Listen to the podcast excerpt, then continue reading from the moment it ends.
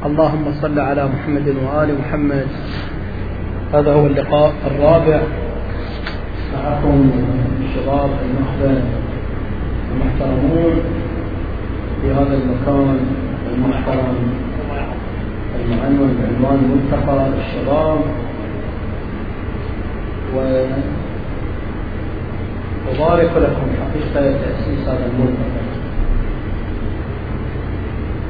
وإن شاء الله هو ملتقى على الخير وعلى البركة وعلى العزم على إحياء أمر أهل البيت عليهم السلام في مدارسة أحكام القرآن الكريم وما يجب علينا تجاه أهل البيت عليهم الصلاة والسلام. نعم. من أهدافه تحصين الشباب ومنع الكثير من فراغهم فنعم الملتقى بارك لكم. وأحثكم على الالتزام. أسأل لكم التوفيق إن شاء الله.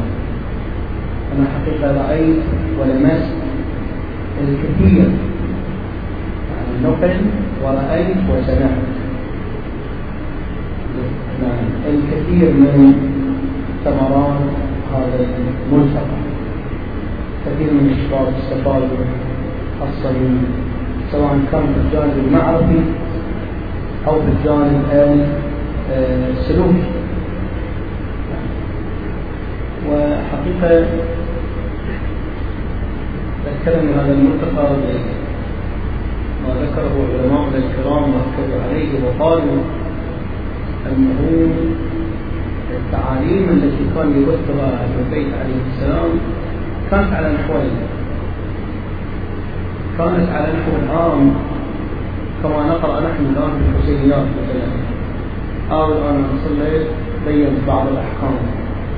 هذا أن مثلا تعليم وتثقيف عام. وهناك نحو آخر من التثقيف نعم وهو التثقيف الخاص. وللتثقيف العام ميزاته وخصائصه وللتثقيف الخاص ميزاته وخصائصه. والذي يريد أن يؤكد عليه أن التثقيف العام لا يكفي ولا يغني عن التثقيف الخاص. التثقيف الخاص تأثيره في البناء أكثر في بناء الشخصية في بناء المعارف في تحصيل المعارف أكثر. قد فيه هذه ولهذا أهل البيت كان عندهم هذان النحوان يعني من التعليم. من تعليم عام ومن تعليم خاص لأصحابهم الخلص أأمن وأسأل من الله تبارك وتعالى أن يكون هذا الملتقى محققا للنحو الخاص في تأصيل ثقافة الشباب وتعليم ثقافتهم و وأقصد بالتعميم شلون أن آه، نحصل على معلومات آه، أصيلة وعميقة ومترابطة. ومترابطة. ومن هذا المنطلق شوف بحثنا الليلة عن العلامات. البحث عن علامات طويل. يعني يستغرق يحتاجنا إلى ثلاث أربع محاضرات حتى يفهم الإنسان حتى يفهم بحث العلامات بحثا مترابطا. كما قال الإمام الصادق عليه السلام يسألون عن علامات يقول هي كخرز السبحة. منتظمة. منتظمة وبعضها تل والبعض الآخر وبعض العلامات متقاربة. في عرض واحد تعبير الإمام أنها تنظم الخرج على الخير. لهذا أنا قلت للأخ رضوان قال لنا ما يكفي بحث العلماء كما أنه نتبعها في الليلة الآتية ما يصير. الآتية ختام وسنأكد فيه على واجبنا تجاه الإمام سلام الله عليه. نعم. كيف نتفاعل مع الإمام؟ كيف نرتبط مع الإمام؟ كيف ندعو للإمام؟ فهذا بحثنا اللي في الآتية ولهذا أنا قلت بالنسبة لليلة سأعطيكم خطوط عامة عن العلامات تقسيمات عامة وأرجع البحث عن العلامات إلى وقت آخر. إن شاء الله أوفق في شعبان. ما عندي خطر سأكون في البلاد. يحتاج ثلاث بلاد تقريبا. لا عندي ارتباطات يعني ما ما أتمنى. في مواعيد سابقة يعني. هم من أول الشباب أنا نطلب الخمس. ورتبت جدولي على الخمس. هم مو معصومين أنا أعتقد فيهم. فإن شاء الله إحنا عرفت الهدف يا أخواني؟ الهدف أولا أنا أعتبر هذا الملتقى يحقق النحو الخاص في التعليم اللي أشار إليه الأئمة وليس التثقيف العام. نعم. والغرض ومن هذا المنطلق التثقيف الخاص ماذا يحتاج؟ اللي يتخرج من المدرسة الخاصة يحتاج أن تنتظم المعلومات كالخرج في السبحة. زين؟ كل المعلومات عندها مترابطة فإن شاء الله يكون هناك توفيق بشعبان نتحدث عن العلامات وعن آه، سير خروجه سلام الله عليه. عندنا بعض الروايات. يقول استاذنا عليه الله الشيخ بشير استاذي الله يحفظه. يقول ينبغي المؤمنين يتوقعوا امتحان آخر؟ قد تفاجئون به؟ يمكن بعضكم سامع بعضكم ما سامع أنا ما أدري. شنو هو يقول الآن الشيعة كلهم ينتظرون الامام كل. وسيملأ الأرض قسما ولكن الروايات أكدت أن هذا لن يحصل حتى يحصل اليأس. قبل حصول اليأس سيخرج الكثير من المؤمنين المعتقدين بهذا الأمر. قصوا عليه الجعوائي ما لاحظ هذا مشكلة. حتى يبلغ المؤمنون درجة اليأس أو قبل بلوغهم لدرجة اليأس سيوحصون وسيخرج الكثير من إيمان هذه مشكلة. نسأل الله تبارك وتعالى الثبات والمشكلة الأخرى هذه يمكن ما سامعينها.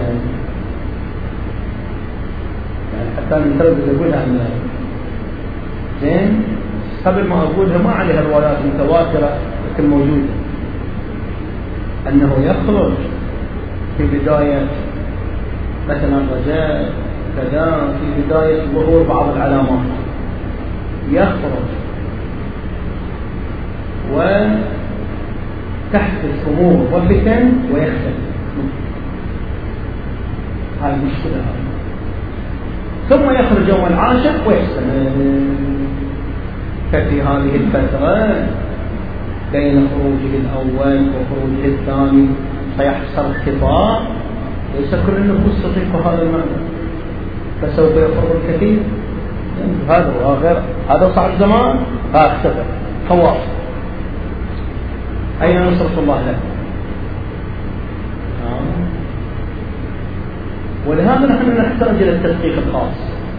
ما يكفي الإنسان؟ ما تكفي المحاضرات العامة؟ ما يكفي تسمع شغلات؟ أنت ينبغي أن تبني لك ثقافة أصيلة ومتكاملة والثقافة الأصيلة والمتكاملة هي الضمان من الفتن. أكد علماءنا العظام أكد أن الله أكد. سمع من أستاذ الشيخ رشيد. من الشيخ محمد سعد حكيم آية الله سيد الحكيم. سمعت وقرأت أن الله تبارك وتعالى سيبتلينا في هذا الزمان بأشد أنواع الابتلاء. أشد.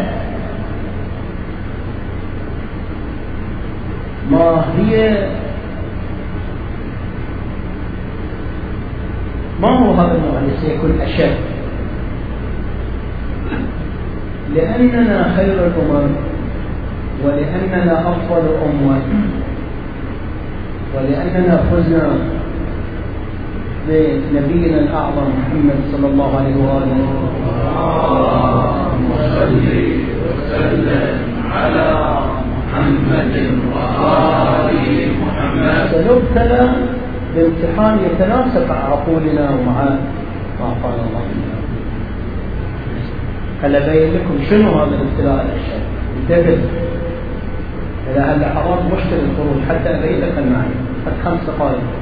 في خلال عشر أنواع البلاء كثيرة. بعضهم يبتلى في ماله. بعبية يساهم بالأسهم ويخسر في المال في المال. وبعضهم يبتلى في عرضه. عشنا أيام صدام؟ وبعض المؤمنين جنوا مؤمن غيور. صدام يحبسه. فيتحمل يضربه ويتحمل ايده ويتحمل يكوي ويتحمل بعدين يجيب زوجته امامه عالمه في جنة ورأيت بعيني مجنون. هذا عالم جديد مدرس تقي من أفضل تلاميذ السيد الخوئي بعدين حسن هذا نوع من أنواع البلاء بعد هناك أشد هناك أشد. عجيب. أشد من الابتلاء في المناطق أشد من الابتلاء بفقد الأولاد والأنفس. نعم. بلاء شديد. والجوع. كل هذا به ولكن من أشد أنواع الابتلاء الابتلاء في المعرفة. هذا كنا بين. شلون في المعرفة؟ هذا الأشد أنا أريدك تلتفت أن هذا هو الأشد حتى بعدين تسأل كيف نحصن أنفسنا آه. أشد الأنواع. لأن حينما ابتلى في مالي خوف. فلوس راحت بس ديني موجود. أموت وأدخل الجنة. أو أعيش فقير. شو أسوي؟ حينما ابتلى بأولادي أخذ أموال هم ديني موجود. أبكى عليهم الناس يسلوني ويعزوني والفاتحة ليل ونهار وكذا وأصبر. أستنى شو أسوي؟ لكن ديني موجود. كذلك حينما ابتلى بما هو أشد من الأولاد. العرض وكذلك نفس الشيء. لكن المشكلة وين؟ حينما تبتلى في المعرفة تشك في دينك. هذا أشد ابتلي اسمعني ابتلي بهذا البلاء الأمم السابقة. بنو إسرائيل ابتلوا. شلون في المعارف السامرين أخذ عجلا جسدا له خوار. وأنطقه أخذ قبضة وأثرا من أثر الرسطان جبرائيل نازل وكذا المهم أنه هذا الجسد صارت له صار له شكل الكرامة مو كرامة شكل المعجزة شلون الجسد ينطق؟ كذا. فابتلي به بنو إسرائيل السامري قال هذا إلهكم. هذا هذا هذا أشد الابتلاء وصدقه الجماعة. الابتلاء في المعرفة. بنو إسرائيل نفس الشيء. المسيح نفس الشيء. وما قتلوه وما صلبوه ولكن شبه شبه لهم. قد واحد يقول لي يا شيخ أنت مو تقول من أول الآن الحس يوجب اليقين؟ تكلمنا الليلة الاولى عن مصادر المعرفة. الآن هم الذين اعتقدوا أن هذا عيسى هذا شنو؟ رأوه باعينهم لاحظ شلون؟ هذا نوع من أنواع ابتلاء في العقيدة. آية الله العظمى السيد الحكيم وآية الله الشيخ بشير والأعلام. يقولون يقولون لي ولكم. سنبتلى في هذا الزمان بأشد أنواع البلاء في جانب المعرفة. يعني قد تكون لا تبتلى بأموالك. أموالك على ما هي عليك. وقد لا تبتلى بفقد كذا ولكن تبتلى بشبهة المعرفة وتحرفك ويكون هذا الابتلاء شديدا. ليش؟ لأن الابتلاء سيكون بصيغة يأتيك الباطل بشكل يشبه الحق هاي المشكلة هنا. لو قال لا يشبه الحق عاد انت تقول؟ مثلا هذه الفكرة باطلة لأنها صدرت من مثلا فلان الضال فلان المنحرف.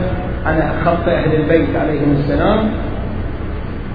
من عثمان الخميس صدرت مو مشكلة هذا ناصب عثمان الخميس أعرف ناصبي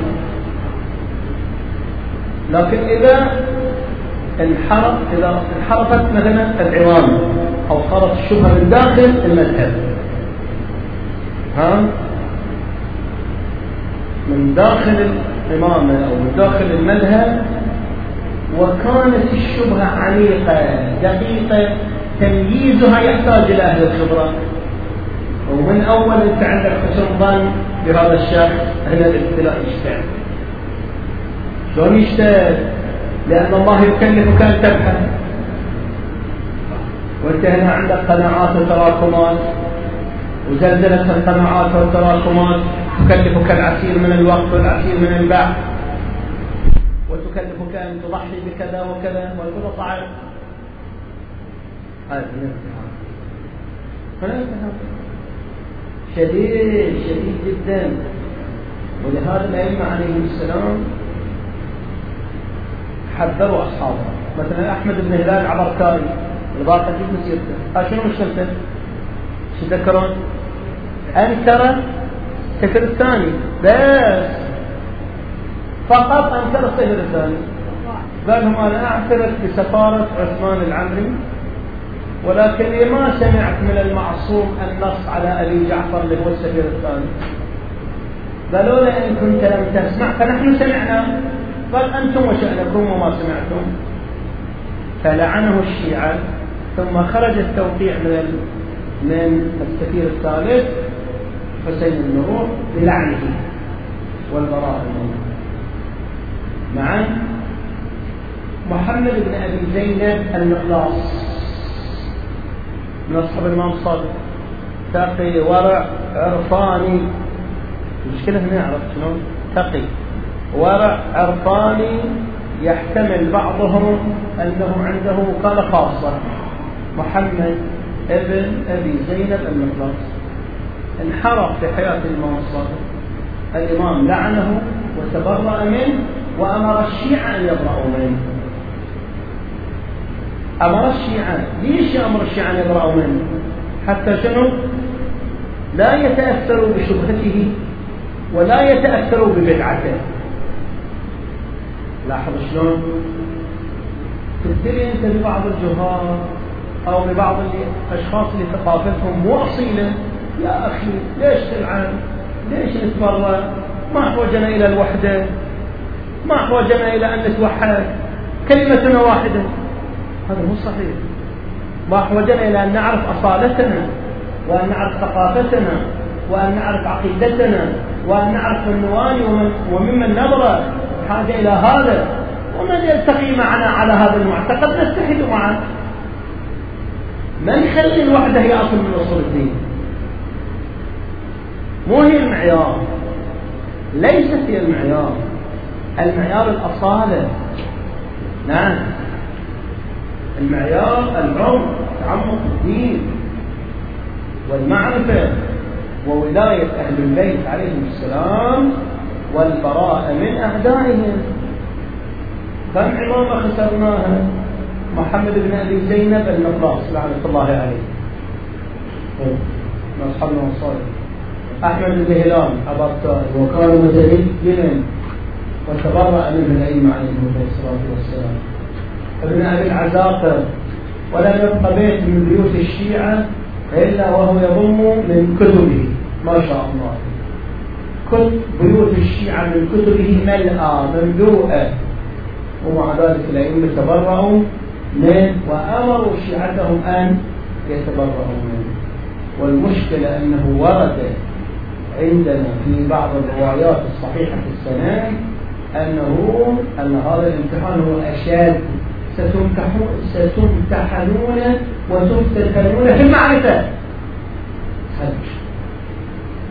الضمان شنو؟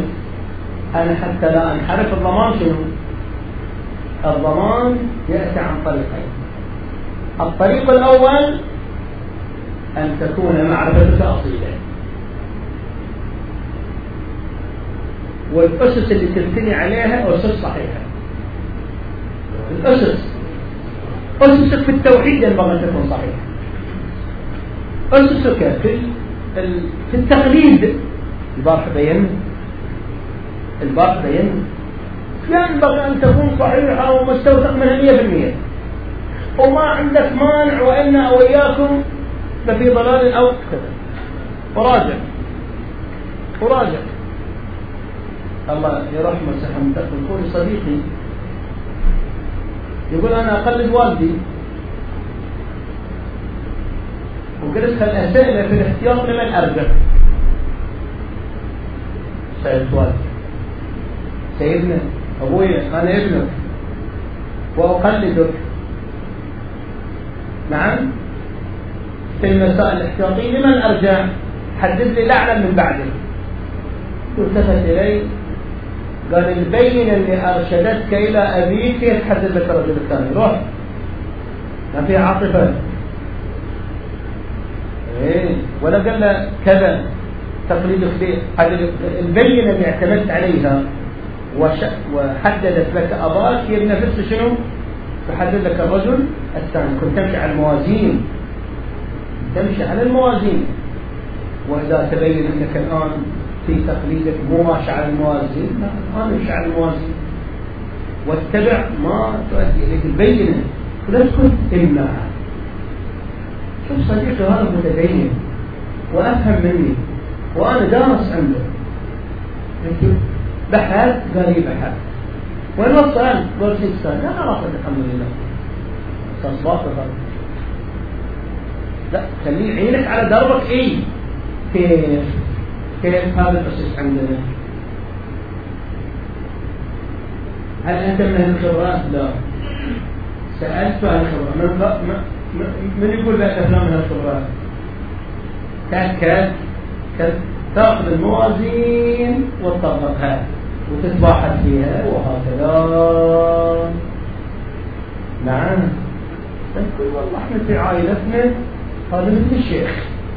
وبحثه الله خير ما يكفي خصوصا في هذا الزمان لاننا وعدنا بفتن وأشد أنواع الفتن اللي هي شنو؟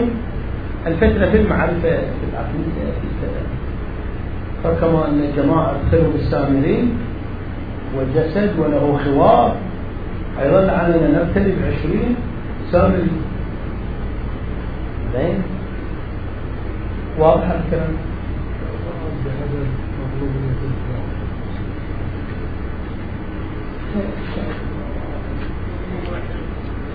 الآن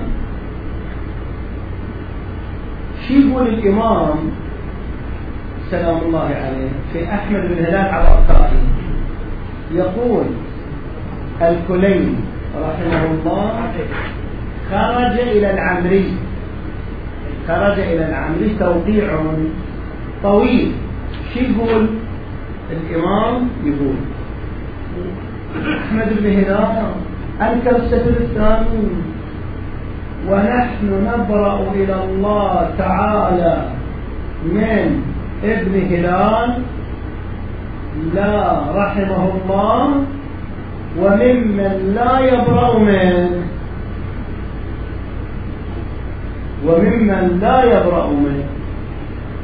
فعلى الشيعة أن يبرأوا من؟ ابن هلال بعد؟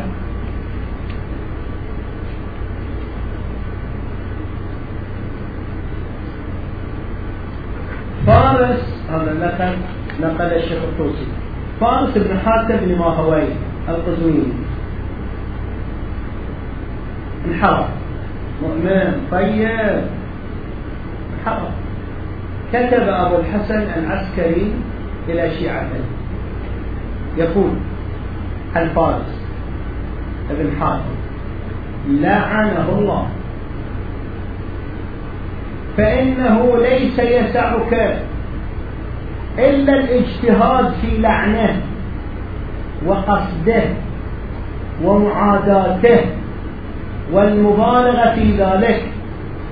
بأكثر ما تجد السبيل إليه فجد وشد في لعنه وهكه وقصد أسبابه وصد أصحابنا عنه وإبطال أمره. قال شبه عليك أن تبطل شبهته؟ عليك أن تبطل شبهته؟ وأبلغهم ذلك مني وأحكه لهم عني. وإني سائلك بين يدي الله عن هذا الأمر المؤكد. فويل للعاصي وللجاحد عجيب. إذا مثل ما كلمة الوحدة وكذا هذه مو من صور الدين. صور الدين خمسة. توحيد العالم نبوة الإمامة المعارضة والإمامة ولاية براءة فالشخص الذي عنده هذه الأصول. نكون على نهجه ونتبعه ونأخذ منه. والشخص الذي يبث الشبهات مجتمعنا في شبابنا خلي الشيعة تصير 20 فرقة ما يخالف. ما عندي مشكلة. المهم أن تكون هناك شريحة تعرف الحق وتتعمق فيه وتجسده. وتجسده نعم.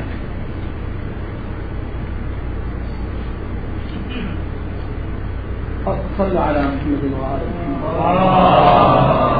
صل وسلم على محمد وآل محمد. اللهم صل وسلم على محمد وآل محمد. اللهم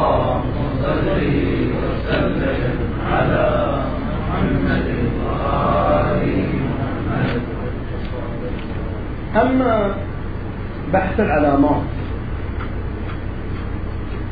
العلامات تنقسم إلى عدة أقسام. توجد علامات عامة وتوجد علامات خاصة مقيدة بسنة الظهور. هذا تقسيم وتقسيم آخر هناك علامات محتومة. وهناك علامات غير محتومة. العلامات المحتومة نقسمها إلى قسمين. علامات محتومة محتومة لن يقع فيها البداء. ولا التغيير. وهناك علامات محتومة ولكن نادرا قد يقع فيها لأن الحكم على مراتب. هذا جواب السؤال اللي تسألني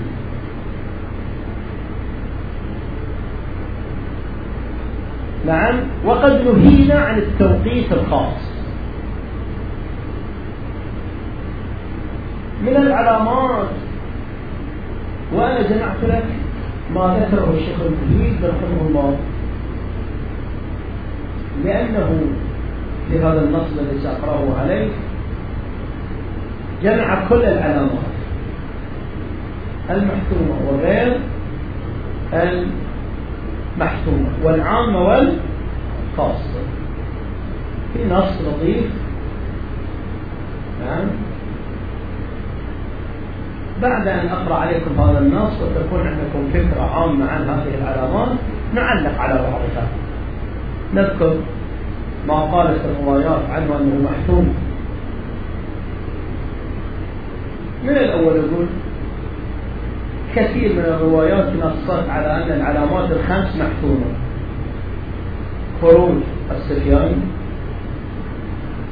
اليماني الصيحة في شهر رمضان الخس بالبيداء قتل النفس الذكية. كثير من الروايات نصت على هذه الخمس ووصفتها بأنها محتومة ولما جاءت الروايات تصف السفياني وصفته وصفا دقيقا وأكثرت ذكرت أنه من بني أمية ومن ذرية أبي سفيان واسمه عثمان بن عنبسة ووصفت وجهه بأنه فيه جدري ووصفته بأنه أشر من صدام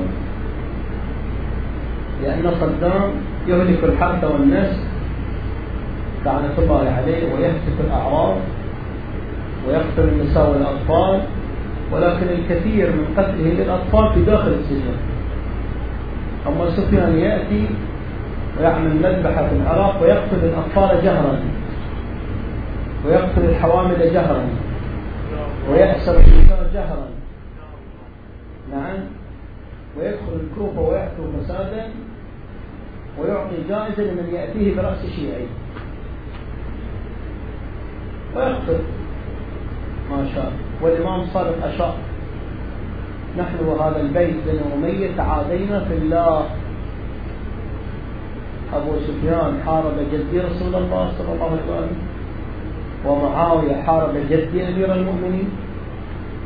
ويزيد حارب جدي الحسين. والسفيان يحارب ولدي الحجة. نعم.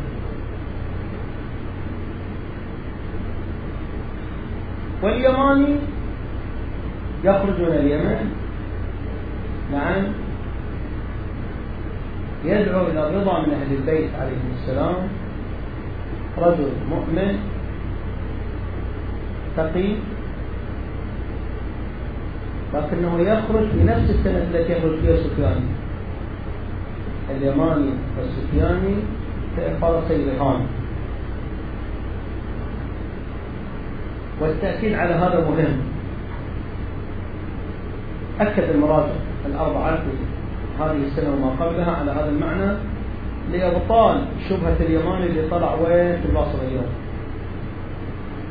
وادعى النيابة الخاصة. ووجد لهم أتباع. وجد أتباع. ينبغي أن تعرف أن النائب الخاص يمكن أن يظهر المعجزات. لماذا؟ لأن النيابة الخاصة منصب مقدس بتعيين من المعصوم. بخلاف اللي عنده نيابة عامة. الآن السجستان عنده نيابة عامة. لا نشترط أن يقيم المعجزة.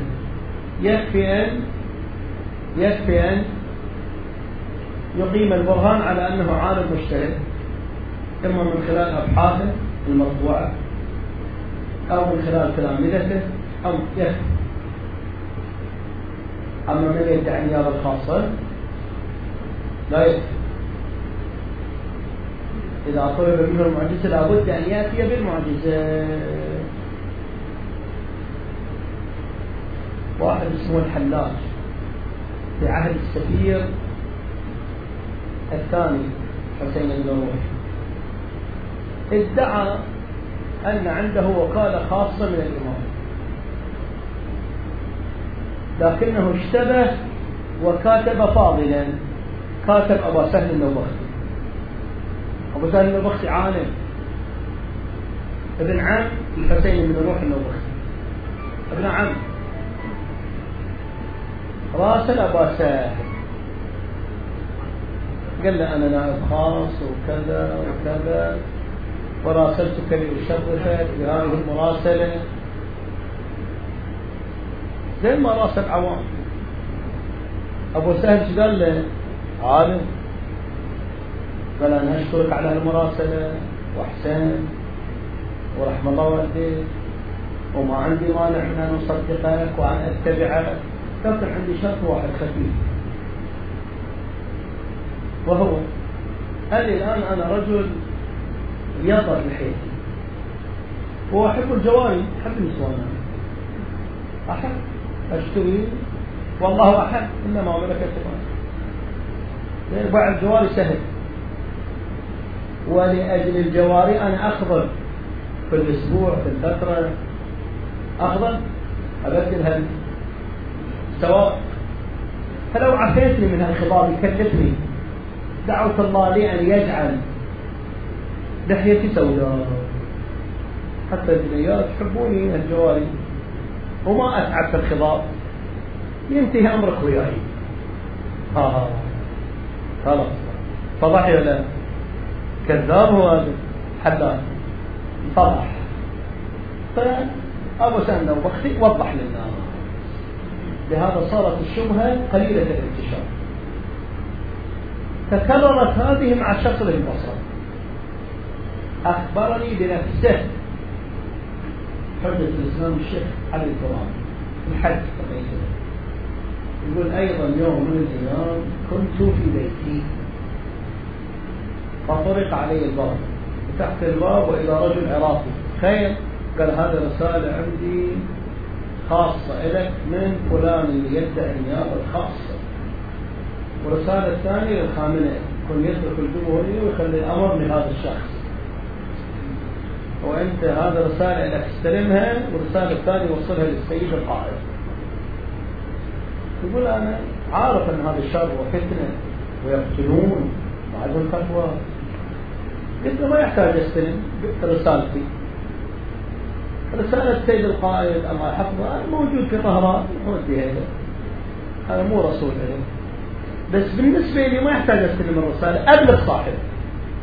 كل الشيخ علي الكراني بيضبط لحيته ويدعو الله لي أن أرجع شباب وبدون رسالة سأقبل به. كررنا قضية شنو؟ الحلاق إحنا نبغي الشباب هكذا مع أي شخص. كل واحد تعرفون حدوده. علي الدين يتعد ما تعدى حدوده؟ ما عليه نحترم السلام ونقوم لك وكذا. تعدى حدوده؟ لا. هذا مو من شغل وهكذا سلمت عليكم ما قاله الإمام الصادق في الغلاة قال قاتلهم الله. لو أمرناهم أن يعبدون من دون الله لما جاز لهم ذلك. يعني حتى ان يقول أوامر لها حدود. أن تكون ضمن الشريعة وضمن حفظ رتبة الله وضمن حفظ رتبة جد رسول الله وضمن حفظ رتبة جد أمير المؤمنين. أنا في هالدائرة أتحدث. أما لو أتعدى حدودي لا تطيعوني. إمام صادق يقول. واضح الكلام؟ حديث الشباب في كل ميادين المعرفة أن يعرف الحدود. حدود ارتباطك بالله حدود ارتباطك برسول الله صلى الله عليه وآله حدود ارتباطه بأهل البيت بالعلماء بالفضلاء كل على طبقته. من تعرف الحدود والمواسم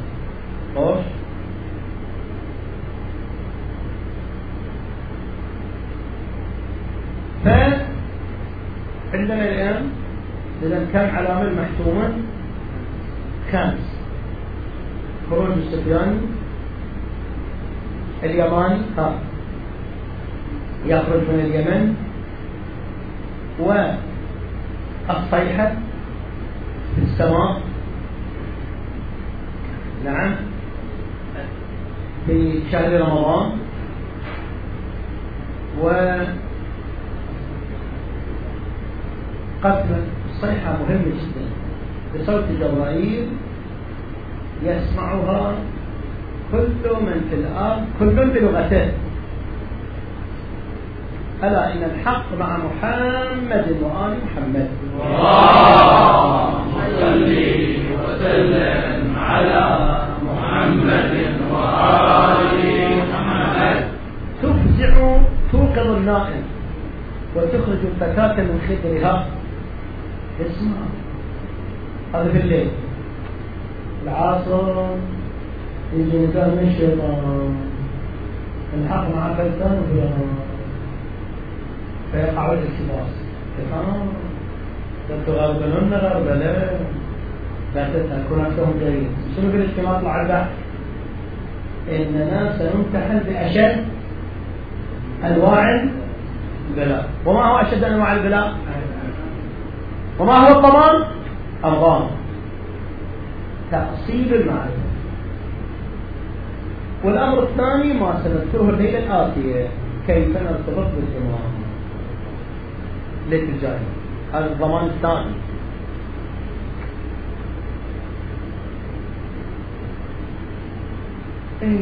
الله يعيننا وإياكم إن شاء الله. إيش قلنا آخر؟ ها؟ الصيحة آخر العصر بيطلع نداء من الشيطان. أصحاب العلم خافوا قالوا مولاي مولانا. صيحتنا قال إيه؟ سيلتبس علينا الحق مع الباطل. فقال السلام الله عليه. اسمع اسمع. قال إمامنا الباقر سلام الله عليه. لا تخاف. إن أمرنا أظهر من الشمس وأبين من الأمس. إن أمرنا أظهر من الشمس وأبين ولكن المشكلة أن الذين في قلوبهم زايد ولم تسبق لهم من الله العناية ها سيكون هذا الصوت الثاني العصار مثل الجسد الذي له خوار اضرب على راسه لو بني إسرائيل ابتلوا بجسد له خوار ولا وعلقت الشبهة في اذهانهم أن هذا إله هذا الهكم وإله موسى. هم يقولون لك في العمل. نداء للباب في نداء ثاني عاصم. بالقول انت رحت الايمان صحيح. قد تجعل ذلك ليش الله سوى هالشيء فتخرج من الإيمان بهالكلام اعتراف على الله. الله قضى وقدر أن يمتحن. فمن شاء فليؤمن ومن شاء فليكفر. نعم. والضمان تأصيل المعرفة واللجوء إلى الله والعبادة والإكثار من الدعاء. والاستغفار. نعم. إن أمرنا أظهر من الشمس وأبين.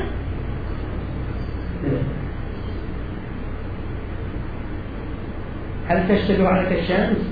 ما واضح إن أمر العلم أوضح أوضح. لكن كونها أوضح لا يعني أنك لا تبتلى بشبهة. لا. إيه. خروج اليمن والصيحة. إيه؟ أنا قبل سنتين أو ثلاث في الشارقة. اتصل لي بعض إخوتي المعممين قال ترى أنا قلت للناس شهر رمضان هذا سنسمع الصيحة. قلت اتق الله في نفسك قال ليش؟ أنا عندي بحث. قلت اتق الله في نفسك أولا الصيحة ستكون في سنة الظهور. صيحة في شهر رمضان والخروج في محرم. وهذا التوقيت. وقد نهينا عن التوقيت. هذا التوقيت ثلاثة. أما إذا تقول أحتمل ما يضر. ينبغي للمؤمن أن يكون هذا الاحتمال عنده في كل آن. يقول السيد الصادر المرجع احتمل. ظهوره في كل آن. ولا تكون لن أحتمل. لأن الشرائط لم تتحقق. فإن الله قادر على أن يحقق الشرائط المحتومة. وأما غير المحتومة الله غير ملزم بها.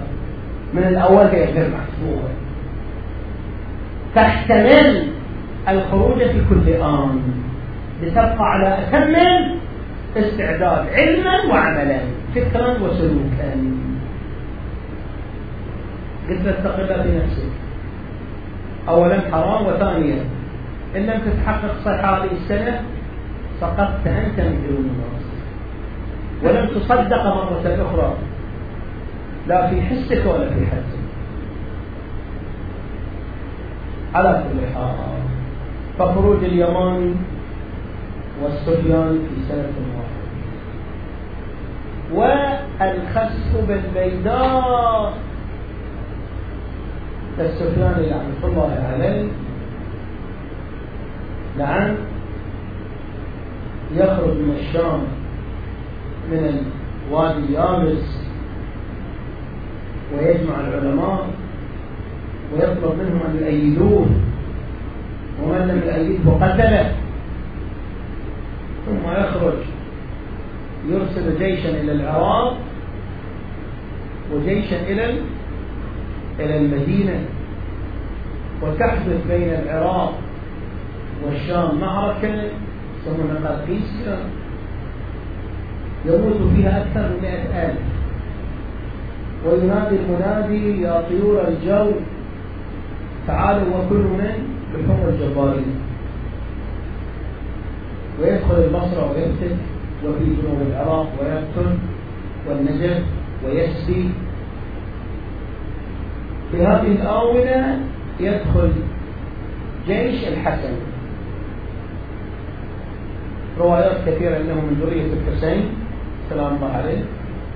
بعض الروايات تقول من ذرية الإمام الحسن ويحتمل بعض المحققين أنها غلطة من الكاتب يعني أكثر أنه من ذرية الحسين سلام الله عليه. ويلاحق الجيش السفياني وهو خارج ويقتل ما تبقى من جيش السفياني ويستنقذ الأسرى والسرايا من النساء. لكن بعد أن قتل ما قتل ويمهد الخراساني الحسيني للإمام الحجة سلام الله عليه. وأما الجيش الذي يبعثه إلى المدينة المنورة يبيح المدينة وتروث بغالهم في حرم النبي صلى الله عليه وآله ويقتل كل شيعي. أو من يتسمى بهذا الاسم علي حسين القابو حسان الشيعة يقتل ويصلب. بعض السادة الشيعة حراثا ويرسل جيشه إلى مكة.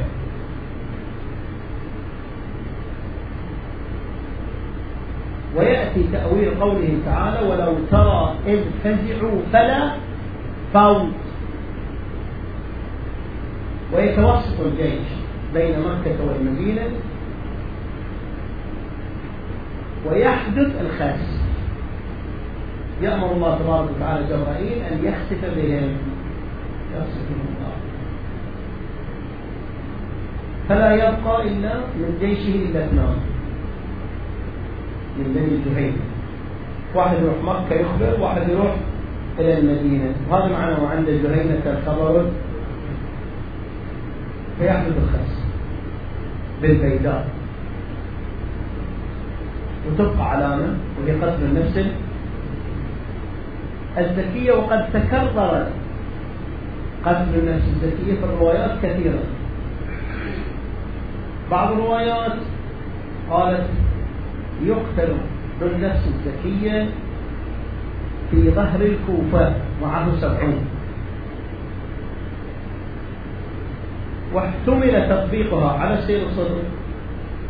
بنحو الاحتمال ما عندك مشكلة ما عندك مشكلة بنحو الاحتمال في العلامات العامة التي لم تقيد بسنة الظهور حتى لا يكون عندك توقيت. ما عندك مشكلة. احتمال. وطبقها الشيخ الكوراني على السيد الحكيم سيد محمد باقر كهذا رجل تقي ورع ومعه سبعون قتلوا في الترجيح في ظهر الكوفة. الكوراني هكذا يظن أنا شخصيا لا أظن أما فتح باب الاحتمال لا يضر. أحتمل. أحتمل. لكن لا لا تجزم. أما إذا أردت أن تظن أو تعتقد كالشيخ القرآني في العلامات العامة غير المقيدة بسنة الظهور فلا إشكال اقرأهم عليك هو يعتقد. أما قتل النفس الزكية المقيد بسنة الظهور هذا بعد هذا رجل من السادة في ليلة 25 للحجة يعطيه الإمام كتابا هذا السيد ليش ما يقول له روح ادخل. إلى المسجد الحرام.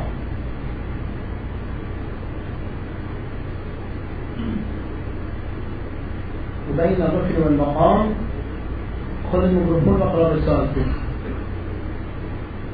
ليلة 25 يأخذ الكتاب من الإمام سلام الله عليه. ويروح بين الركن والمقام يلتفتون إليه عند شيء يلزم الميكروفون ويفتح الرسالة فيقتل. بين الركن فيطل دمه ويسيل دمه في المسجد الحرام فتشمئز النفوس. هنا تتكاثر عندنا الروايات التي تقول ليس بين قتل النفس الزكية وبين خروج الإمام إلا 15 ليلة. 15 إيه؟ الخمس ليال اللي بقيت من شهر ذي الحجة وعشر ليال ما الموت تؤكد روايات عن الامير المؤمنين عليه السلام على انه كذا هاي خمس علامات مؤكدة إذا واحد يقول لك ترى هذا اليماني أول حكمه. وضحك عليه. عرفت؟ وكله مخرج وراجع. كانت عنده شبهة في الروايات اللي تأكد أنه سفياني واليماني والصيحة كلها في سنة واحدة. قل اتق الله في نفسك. شفت أصاب وشيعي ولا صلاة الليل. وقبل تسوي في السجود. إذا أصاب ابرأ منه. ابرأ منه. ابرأ منه. ابرأ منه. كما برئ الشيعة من محمد بن أبي زين الآن مخلاص من أصحاب الإمام ولعنه الإمام وكما برئ الشيعة من أحمد بن هلال عبرتان وكان تقيا وكان ورعا. وينص السيد أنه كان تقيا كان ورعا. وينص بان هذا انحرف لعنه الله عليه. هذا مراجع الجنود يعني حدود يكون بكرة تقول والله ها؟ نستجيب قلنا من سوء العاقبة. والله فلان علي. الكتاب شنو وياه وصلي وراه؟ وين التقي قال بأنه التقى بالإمام وأعطاه حكم. مرة التقى فقط ميضة وأعطاه حكما آه. لو بكذب الناس كلهم مشاحين ما أقدر. هذا دليل على ضعفك في بناء بناء أصول المعرفة عندك. نعم. الآن لا تخلي في نفسك أي شخصية إلا الأصول الأصلية. الله واحد لا شريك له. ثم النبي. ثم الوصي. ثم الإمام الصادق الأئمة. وهؤلاء لا أكيس بهم أحد. لا الخوي ولا غير الخوي لا أقيس بالأئمة أحد. في البارحة قرينا عليك النص من الموضوع الإمام وحيد دهره ليس له بديل وليس له شبه وأكدت على الإخوة أن يطبعوا هذه الرواية ويوزعوها على الشباب الأئمة لا يقاس بهم أحد. وحجية أقوال الأئمة فوق حجية أقوال العلماء. غلط من إمامه قال الإمام الصادق قال الإمام الخوي غلط غلط غلط غلط ما يصير أجعل قول العالم في مواسي لقول المعصوم لا الإمام حجيته فوق كلام المعصوم فوق كلام العالم. العالم المرجع بعد المعصوم. بس بعد المعصوم بمراتب كثيرة بمراتب كثيرة. بما أنه واسطة بيني وبين المعصوم. إذا أنا عندي ثوابت. ثوابت هذه ألتزم بها وما أتنازل عنها وأجعلها معيار لارتباطي بالعالم لارتباطي بالفاضل ثوابت ثوابت في الرسول وثوابت في الفقه. والله العظيم اليوم اتصلوا بي جماعة من الشباب من الأعزاء في الكويت انطرف لهم مواعظ أنا حلف قالوا شيخنا فلان تعرفه؟ إيه إيه هذا من تلاميذ السيد الخوي زين زين. استفيدوا منه مو إنسان مستقر في الكويت جاي من بعض.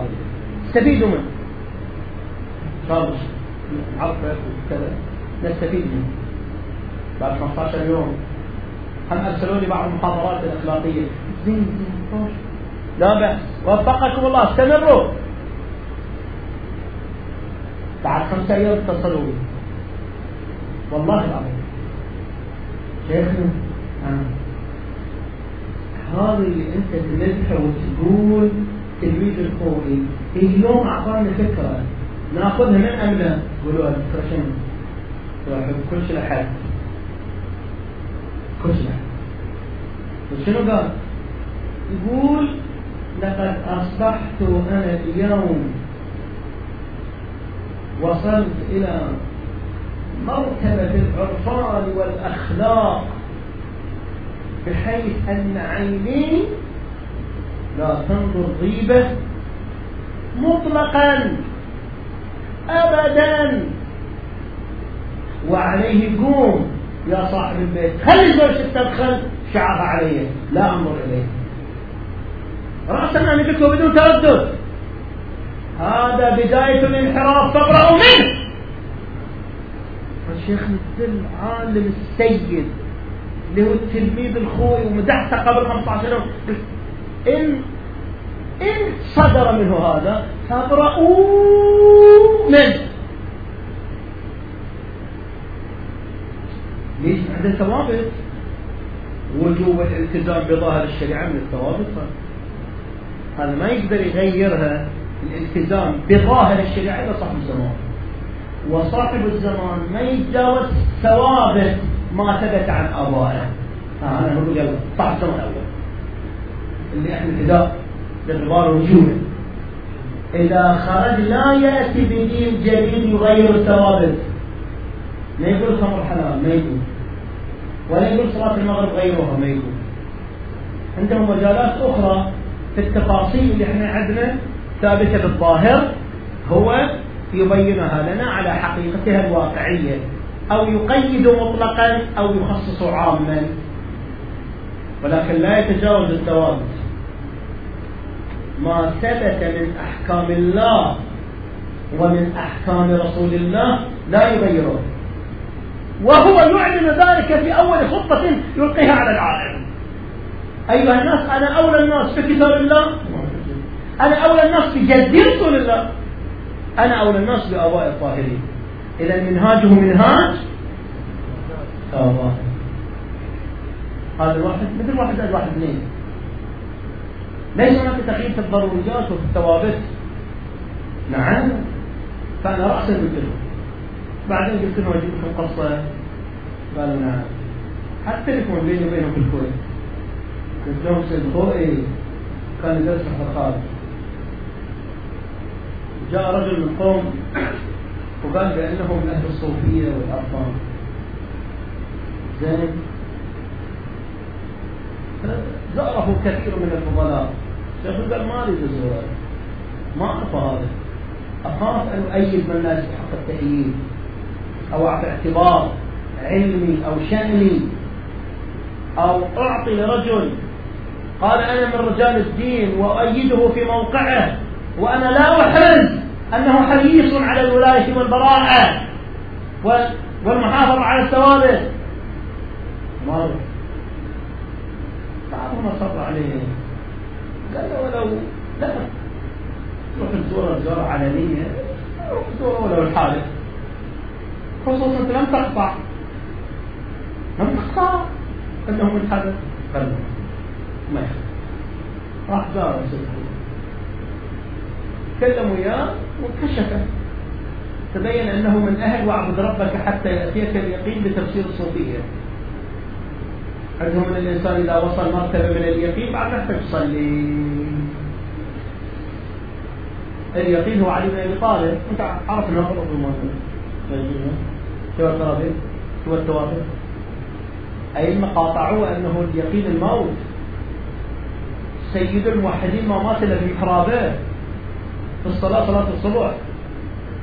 يقينك يا محرمط على النبي المؤمنين ما ترك ألف ركعة. ما مات إلا في محرابه حسين صلى بأصحابه يوم العاشر.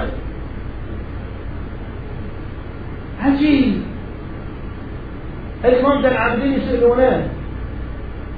كم يصلي في اليوم والليلة أبو بكر؟ قال ألف ركعة حتى أني أنا أتعجب كيف جيت؟ كناية عن شدة الصلاة الحسين بالعبادات يقول شلون عند أبوي وقت يروح عند النساء ينام؟ شلون أنا جيت ما أدري. معصوم يتعدى من, من عبادة معصوم. ثم هو ابن عابدين يصلي في اليوم والليل ألف ركعات ويقرأ صحيفة فيها أعمال أمير المؤمنين وعبادة أمير المؤمنين ويرميها متضجر ويقول آه أنا متى يقوى على عبادة علي بن أبي طالب؟ قالوا له نسبة عبادتك إلى عبادة علي بن أبي طالب. شوف شوف.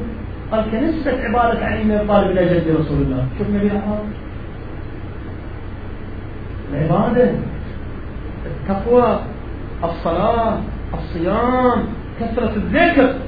لا نرضى على رجل من شيعتنا أن يكون في قرية فيها عشرة آلاف ويكون فيها من هو أتقى منه وأشد ذكرا منه وأشد خوفا من الله منه عبارة نعم شيعتنا الأتقياء الورعون العاملون بظاهر الشريعة. بالصلاة والصوم والذكر. صوم في شهر رجب في شعبان وفضلا عن شهر رمضان. فقلت لهم ابرأوا منه والله العظيم قال ليس الكون وأنا ممن يمدحه سابقا. فالحمد لله. يقول واحد منهم صاحب البيت قوم دخل علي زوجتك الحين إذا أنت إذا وصلت إلى مرتبة. بس الشيطان يجي فضحة إذا وصلت إلى مرتبة أنه أنت ما طالع حرام. ليش ما تصير زاهد ما لك بهالمرة؟ فقط طالع. ليش طالع؟ ليش تقف أمامك وأنت لن تنظر إليها؟ هذا على على الأقل. لا قال جيب الحمد لله تركوا بس قالوا لي لتركوا 10 12 قال البقية يطلعون لأنه ما عندهم اتصال. ما عندهم معرفة أصيلة ما عندهم قواعد. ولهذا امامنا الصادق يقول إيه من أخذ الدين من أفواه الرجال إيه وعلى الثقة انحرف إذا انحرف الرجال. وأما من أخذ الدين من الكتاب والسنة يعني الثوابت يعني الضرورات. عرفت شلون؟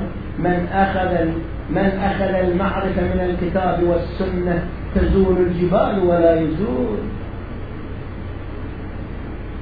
عرفت؟ مرة يقول من من أخذ الدين. من أفواه الرجال ينحرف إذا انحرف والله ما دينه من أحمد بن هلال عرفته. أو من النبي العزاصر أو محمد بن أبي زينب. المقلاص أتقياء ورعون أو من علي بن أبي حمد البطاني تقي ورع كلهم حق كلهم حق أنا ما عندنا وحدة يا جماعة. ما عندنا وحدة عندنا دين ولاية وراء من يلتقي معنا على هذا الفكر الأصيل ما عندنا مشكلة. نخدمه. واللي ما يلتقي على الفكر الأصيل ما عندنا. هذه الشيعة يفرقون 100 فرقة بس فيهم فرقة محقة بالمعنى الدقيق الأصيل. على كل حال هذا كون الأيام قبل ثلاث سنين هذا الشخص اللي كان يلقي أبحار ما ترسلون له ما يحتاج تذكر اسمه لو أحتمل ترسلون له أذكر اسمه ما خاف لكن ما أحتمل أنكم تتقونه الحمد لله كان سبب قامته وكل شيء ولا خلاص لأن أنا اشتغلت شغل اللي أقدر عليه نعم. حركت من البشر حركت القوم المقدسة كنت جيبوا لي شريط أنا أشرب خلاص فضلاء حذروا نعم. على كل حال رحم الله والديكم كم باقي من الوقت؟ تسعة ونص عشر دقائق أقرأ ما قاله الشيخ المفيد. قرأت لكم العلامات الحتمية. علامات حتمية. وقلت لكم يا أعزائي يقول الإمام الصادق إن هذه العلامات منتظمة كالخرز في الخير. والآن إحنا في هالعجالة نص ساعة ساعة إلا ربع ساعة. ما يسعني الوقت؟ أن أجعلها في ذهنك منتظمة كالخرز ولهذا إن شاء الله أعطيك ثلاث ريال على العلامات فقط غير الليلة. أعطيك الآن فقط سأقرأ العلامات اللي ذكرها الشيخ منو؟ الشيخ المفيد. رحمة الله عليه. قال هذه العلامات التي نصت عليها أصول الروايات. المفيد بعد عبر التعبير. ثم قال في آخر الرواية ومنها محتوم ومنها مشروط يعني يقع فيه البداء الآن فقط سأقرأ هذا النص وأخر. إن شاء الله. قال مولانا وحدث الله آية الله العظمى الشيخ المفيد رحمه الله.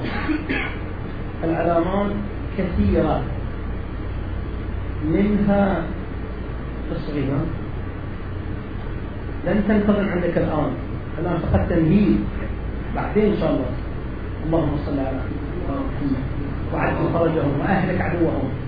العلامات كثيرة. منها خروج السفياني.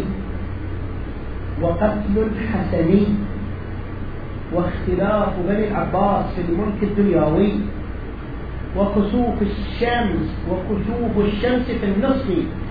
من شهر رمضان وخسوف القمر في آخره وخسوف بالليلاء وخسوف وخسف بالمغرب وخسف بالمشرق وركود الشمس من عند الزوال إلى وسط أوقات العصر وطلوعها من المغرب وقتل نفس زكية بظهر الكوفة في سبعين من الصالحين وذبح رجل هاشمي.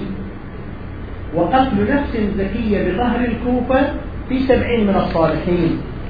هذا الذي ظن القرآن أنه سيد حكيم وذبح رجل هاشمي بين الركن والمقام.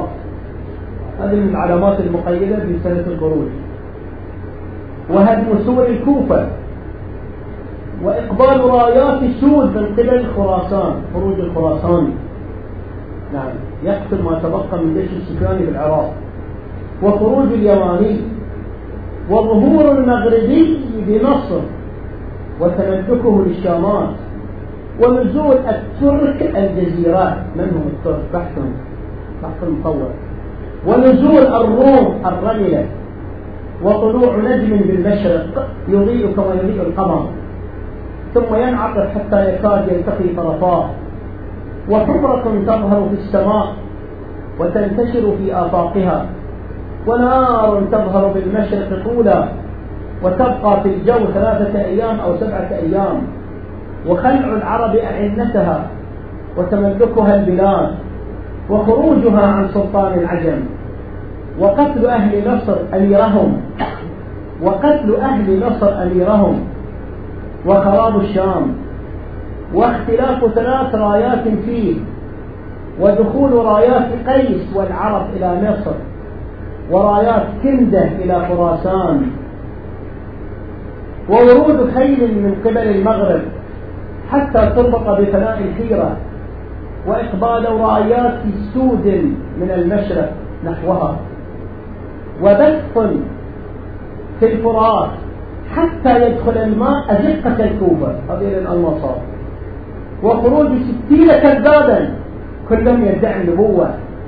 وخروج اثني عشر من آل أبي طالب. كلهم يدعي الإمامة لنفسه. نعت واحد وإحراق رجل عظيم القادر من شيعة بن العباس. بين ذلولاء وخالقين. وعقد الجسر مما يلي الكرخ.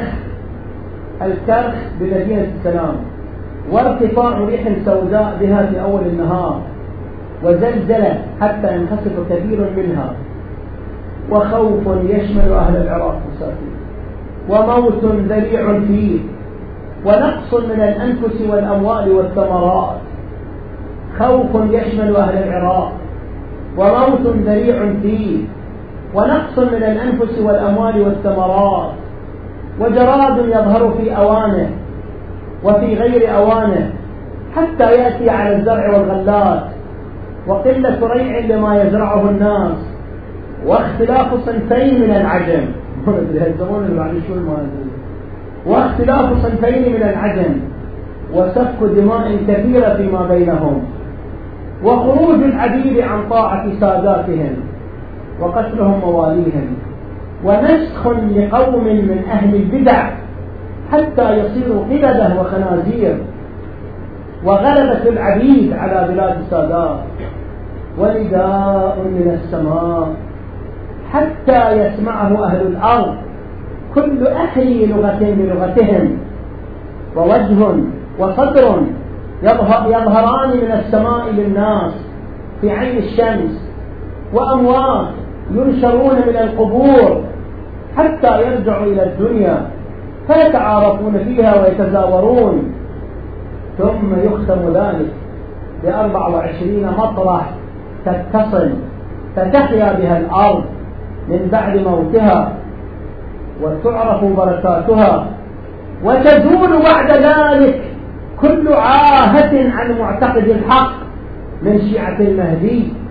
تزول كل عاهة وكل مرض فيعرفون عند ذلك عند ظهوره بمكة فيعرفون عند ذلك ظهوره بمكة فيتوجهون نحوه لنصرته كما جاءت بذلك الأخبار.